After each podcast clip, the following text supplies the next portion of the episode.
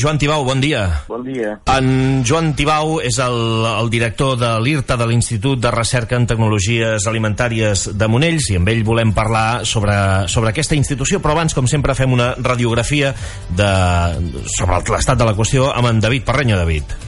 Doncs sí, Miquel, l'IRTA de Monells, l'Institut de Recerca i Tecnologia Agroalimentàries, va presentar ahir dues tecnologies per processar la llet d'una manera més sostenible i que es calcula que permetrà estalviar fins a un 60% de l'energia que s'utilitza actualment. Les dues infraestructures d'energia solar i de radiofreqüència són, diuen, úniques al món. La presentació es va fer ahir en el decurs d'una jornada oberta als socis del projecte i, a més a més, també a altres científics. Uh, senyor Tibau, vostè que és el director de l'IRTA, per què són úniques al món aquestes tecnologies que es van presentar ahir?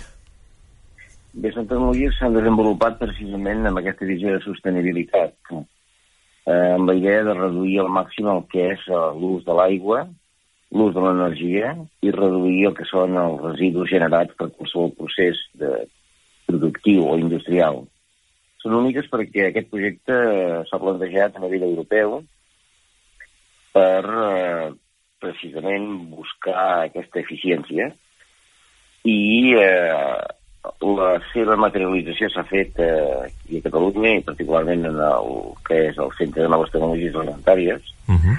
i han integrat diferents tipus de tecnologies. No? Uh, L'IRTA, que és una institució pública adscrita al Departament de, al Departament de Medi Ambient i Sostenibilitat, uh, perdó, uh, agricultura, això. Um, sí. És una institució, per, per qui no n'estigui al cas, perquè uh, vosaltres esteu físicament a, a Monells, entenc. Sí, però... Eh, el que passa que... Eh, bé, volíem parlar amb vostè avui perquè precisament eh, crec que una institució important que treballa en línies importants en un sector també important per una zona com la nostra eh, pensem que no és especialment conegut i per això volíem parlar una mica amb vostè sobre l'IRTA i aprofitàvem aquesta, aquesta notícia. Expliqui'ns una mica quina és la funció d'aquest Institut de Recerca i Tecnologia Agroalimentàries. Bé, en primer voldria dir que l'IRCA és una empresa pública del govern català que es va constituir l'any 1985 sota la fórmula d'una institució d'investigació que va dirigida al sector primari i, i al sector de la indústria de transformació. En definitiva, es tracta de buscar aliments que siguin segurs, siguin sants, siguin diversos, siguin... bé, utilitzant processos que siguin el més eficients possible. De fet, l'IRTA mm, té centres repartits per tot Catalunya. En tenim des de Sant Carles de la Ràpita, que treballen en aquicultura, a prop de Reus, en tenim a Lleida, en tenim molt a prop de les universitats eh, de Barcelona, la Politècnica, la UB, la Universitat Autònoma de Barcelona, uh -huh. però un dels centres més emblemàtics és el que hi ha a Monells, i aquest, voleu, m'hi referiré més detall. Uh, I el de Monells, quina, quina és la singularitat que té i què és el que fa que sigui, com vostè diu, el més emblemàtic? Bé, aquest centre el que està és ubicat en una finca que la Diputació ja s'ha dit fa dos anys, que es va iniciar les seves activitats l'any 83, anteriorment la tradició l'IRCA, amb l'objectiu de donar suport a les indústries agroalimentàries de, la, bueno, de les comarques gironines, no? que és tota una potència en el que és la indústria càrnica. Uh -huh. Eh, a poc a poc es van afegint d'altres elements, eh? particularment uns anys més tard es va construir un anfiteatre, que és l'anfiteatre en què hem fet aquestes presentacions, després es va eh, construir eh, o millorar una instal·lació per al que és l'avaluació genètica del porcí, que és únic a Espanya. Tenim també un centre de noves tecnologies, on tenim els equipaments aquests en els quals hem estat fent la demostració conjuntament amb els investigadors estrangers. Uh -huh. I recentment el que tenim és una granja experimental de vacum, que també és única al sud d'Europa, per les seves característiques. Per, per, què, què, és el que la, què és el que la fa tan especial, aquesta granja? Mm, fa especial el fet de que s'ha plantejat des d'un punt de vista tant de recerca com d'innovació, com de demostració, com de divulgació del sector de la llet. Mm. Uh, aquesta granja consta doncs, de 120 espais, o sigui, 120 places en producció, que signifiquen 250 animals en total. Mm -hmm té sistemes automàtics de control de l'alimentació, o sigui, cada animal sapiguem, sabem quina quantitat i quin tipus d'aliment menja, perquè tots els animals estan doncs, identificats electrònicament i tenen unes menjadores específiques. Uh -huh. Aquesta granja té 20 punts de menida, els quals tenen 20 analitzadors de la llet, que si ho sabem, ho sabrem, vaja, perquè la inaugurarem d'aquí poc, suposo, eh, la qualitat d'aquesta llet des del moment en què s'inicia la eh, extracció de fins al final, i podem eh, subministrar també alimentació robotitzada eh, als animals en el moment de la munyida. O sigui, tindrem una visió completa del que és el cicle de producció d'una vaca. Però no només aquest, això, sinó també sabrem què és el que ens ha costat la producció del seu ferratge, o sigui, control de l'aigua, dels adobs, dels camps, etc, l'energia necessària per produir aquest aliment, i al final, com utilitzar el millor possible el que són, doncs, eh, els productes derivats, no? tant la llet, d'una banda, com els subproductes que s'obtenen, que serien, doncs, les fentes, etc. Els productes que derivin. Eh? Senyor Tibau, tot això que sona molt tecnològic i, a, i sona molt, sí, sona molt tecnològic, eh, com casa això amb, amb un corrent social que reivindica mm, una alimentació més natural i més allunyada de la intervenció humana, més enllà de, del conreu pur i dur? No, diguem, eh, des de perspectiva biològica, les vaques necessiten menjar ferratge i els humans necessiten menjar carn, mm -hmm. i també llet. El que succeeix és que això es pot fer d'una manera, diríem, eh, bucòlica, que és tenir les vaques pasturant a la muntanya, no? o es pot fer d'una manera eh, eficient, que és eh, intentant doncs, aprofitar el millor els conreus i eh, fent que aquests animals siguin els més eficients possibles, amb les millors condicions de benestar possible, amb la millor qualitat i seguretat dels seus productes possible, etc. Mm? Si volem beure llet i necessitem els preus en què la volem pagar, necessitem fer-ho de forma eficient. I això, malauradament, doncs, no es pot fer pas en sistemes com podrien dir extensius comparativament amb els sistemes intensius. Les dues vessants són eh, lògiques i coherents i acceptables, però entenem que des d'un punt de vista econòmic necessitem i volem produir llet amb qualitat i amb eficiència. I això només ho podem fer amb un sistema intensiu, conservant l'estructura familiar de la producció i alhora aprofitant els recursos que tenim. Per Catalunya... Per... Digui, digui. Sí. No, Catalunya no és autosuficient en llet ni en productes làctics. No, no és autosuficient en llet, diu? No, uh mhm. -huh. no, no és autosuficient. Potser només produïm el 40% de la llet que necessitem. Per tant, necessitem importar llet de fora. Importar de fora significa... Ah, això, perdoni'm, això sembla molt contradictori eh, en un moment en el que la gent que es dedica a la ramaderia o a la pagesia diuen, escolti, a nosaltres no ens surt a compte dedicar-nos a això i per això cada vegada hi ha menys pagesos, per això cada vegada hi ha menys ramaders. Per tant, això seria, en termes de, en termes d'economia de mercat, això és, eh, això és il·lògic, perquè hi ha més demanda que oferta. Eh, això és veritat, però pensem que el mercat és obert i costa més produir llet segurament les comarques gironines que a Dinamarca eh? per molts motius la climatologia, per l'estructura de l'explotació pel suport que reben a nivell estatal eh, que potser no tenim etc etc. Mm, Llavors, una de les tasques de l'IRTA entenc que és fer que, que, que produir llet per simplificar-ho, eh? Per que una de les tasques de l'IRTA és que produir llet sigui més econòmic o més eficient per al ramader, per tant. I l'única via per ser més econòmic, més rendible pel ramader, és ser més eficient. O sigui, utilitzar millor els recursos que tenim. Millor els ferratges, millor els animals, millor les maquinàries per processar el producte, reduir els costos energètics i fer arribar la llet de qualitat al consumidor de prop. Perquè no podem dependre de la llet que sobra en els països. Mm -hmm. Si no, no veurem una llet de qualitat.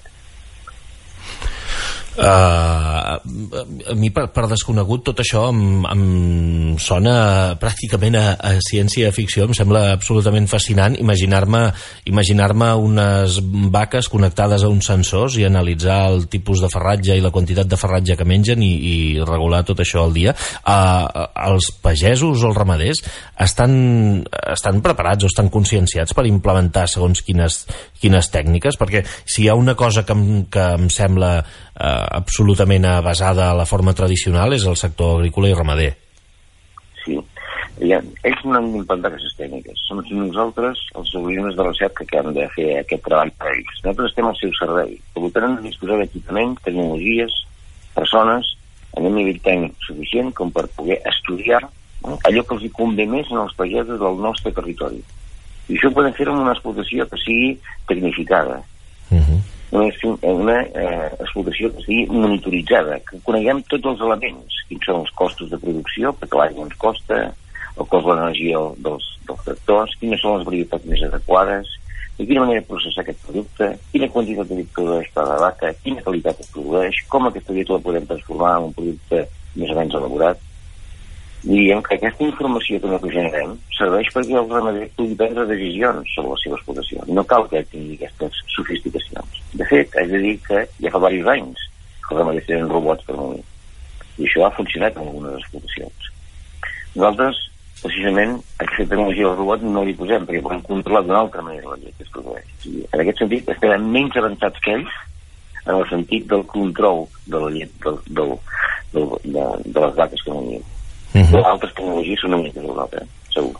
Uh, senyor Tibau, uh, en un altre ordre de coses, l'IRTA, vostè diu, és l'IRTA és una empresa pública, entenc que el pressupost de l'IRTA surt uh, de, de, del pressupost de la Generalitat o, o té altres formes de finançament o de col·laboració en matèria econòmica? Mire, us explico. L'IRTA té aproximadament unes 900 persones que integren doncs, persones pagades directament per l'IRTA, que són unes 600, i la resta són persones que estan, eh, o bé són estudiants de doctorat, o bé són persones de la universitat que estan vinculades a l'IPTA, de diverses universitats, de la de Lleida, de la de Girona, etc. Uh -huh. eh, el nostre pressupost és uns 43 milions d'euros aproximadament, anuals. D'aquest pressupost, només el 30% prové de la Generalitat. Només el 30%, carai. Sí, el 30%, sí, el 31,5% penso per cent actualment. La resta són fruit de projectes d'investigació que provenen doncs, de fons europeus, de contractes amb empreses, de serveis, de cursos, de jornades, de cursos de formació que fem eh, tant a Monells com a fora l'estranger. Bé, eh, és una institució que realment doncs, està donant un gran servei al país perquè amb uns ingressos de la Generalitat que són doncs, eh, minoritaris per la situació del pressupost genera un valor afegit molt innovable. Uh -huh. Entenc doncs, que aquesta capacitat que tenim doncs, és molt valuosa pel conjunt dels sectors, perquè tenim molts sectors nosaltres.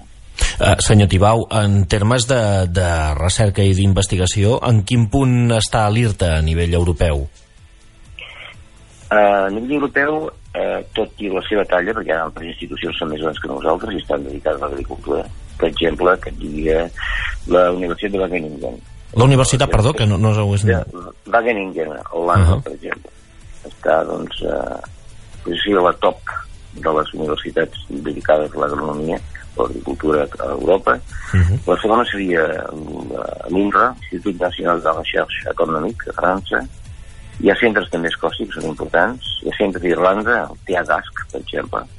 Nosaltres estem situats en una posició, crec que molt eh, favorable des del punt de vista dels coneixements. Captem molts dels projectes europeus i tenim participacions en molts d'ells. Podríem dir que som el quart o cinquè grup de recerca a nivell europeu i, evidentment, a nivell de l'estat espanyol, en temes d'agronomia som el primer grup. Um, en termes de, de, de, de, segueixo amb, el, amb, amb la posició que ocupa l'IRTA eh? um, sí. quin és una mica el repte d'un institut, d'una institució com aquesta de cares al futur perquè, i, i, i sobretot ho intento vincular una mica a la crisi eh? la, la, la crisi econòmica que sempre s'ha dit que ha forçat la sortida de molts estudiants eh, vostès en terme d'estudiants de, o d'investigadors del país han notat que hi hagi hagut aquest tipus de sortida? En algun moment han tingut algun, eh, algun problema per, per, per trobar gent que s'hi dediqui? O, o el problema ha vingut eh, estrictament d'una qüestió de recursos econòmics? Jo crec que ve pràctic exclusivament deguda a un tema de recursos econòmics. Eh? La recerca aquí a Catalunya, tant a l'IRTA com a algunes universitats, doncs és atractiva eh, i atrau persones d'alt nivell el que succeeix és que en moltes ocasions no podem destinar els recursos que podríem a la recerca i a finançar i a mantenir els uh, investigadors que uh, realment demostren unes capacitats uh, d'excel·lència. Aquesta és la realitat. Estem estabilitzats en quant al número d'investigadors des de fa uns anys. Uh -huh. Ara bé, esperem que quan milloren les condicions no, del sector econòmic en general doncs podrem eh, doncs, incrementar i el número d'investigadors i, les persones, i el nivell de les persones de què disposarem. Sí. Jo pensar que el sector agroalimentari català és importantíssim. Eh? Però a vegades oblidem que l'agricultura i la indústria associada en el que és l'agricultura, em refereixo, per exemple, als vins, als olis, la fruita, el, la producció càrnica, etc., és fonamental no, aquí a Catalunya. I sí, això, el, el que passa que sembla que quan es parla d'aquestes coses sembla que s'estigui parlant del segle passat i que, i que avui en dia si l'economia no es basa en un determinat tipus d'empreses o de serveis sembla que sigui com, com de segona i, i, i, i potser faltaria una mica més de conscienciació sobre la importància que tenen sectors com, com l'agrícola o, com el, o com el ramader, no? Potser? Sí, crec que hi ha poca, poc coneixement, i aquest és un dels objectius que pretenem amb la granja de Monells, apropar el que és el consumidor, el ciutadà. Dic el ciutadà en el sentit estricte de la paraula, la persona que viu a ciutat i realment no coneix com funciona el camp, perquè d'això la importància. Aviam, primerament, l'activitat agrícola és medi ambient. No? Nosaltres cuidem, nosaltres refereixo els pagesos, no? cuiden del paisatge, no? el mantenen net, endreçat. Mm, sí, sí. Netegen l'aigua, no? No només la fan servir, sinó que la netegen, filtren. No? Produeixen, no? amb recursos que són renovables, no? productes que necessitem per alimentar-nos.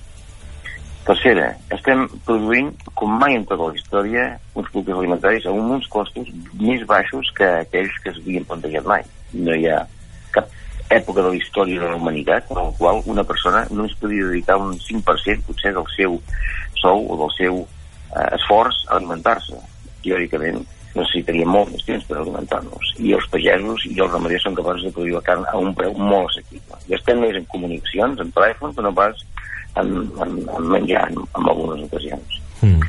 Per altra banda, el que mantenim és una variabilitat de productes d'una alta qualitat i d'una alta seguretat. Mai hi ha hagut la seguretat alimentària que en aquest moment. Mai.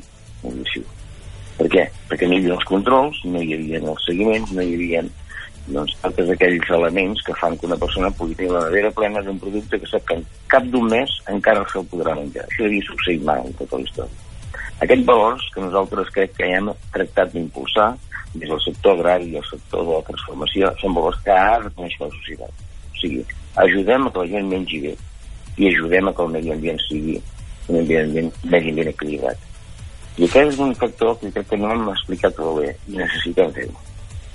M'ha semblat, la frase m'ha semblat absolutament lapidària. Ajudem a que la, a que la gent mengi bé i, i que els productes siguin de millor qualitat. Com a, com a titular em sembla fantàstic per descriure... Que el la... es mantingui equilibrat. Sí, per, per, per descriure la feina de l'IRTA em, sembla, em sembla fantàstic. Um, era una mica l'objectiu d'aquesta entrevista, donar a conèixer aquesta institució que en termes, diguem-ne, de comarca del Baix Empordà té a Monells aquest centre de referència que vostè, que vostè comentava i per això volíem, ens venia de gust parlar amb el director de l'Institut de Recerca i Tecnologia Agroalimentàries, el senyor Joan Tibau. Senyor Tibau, gràcies per atendre la nostra trucada.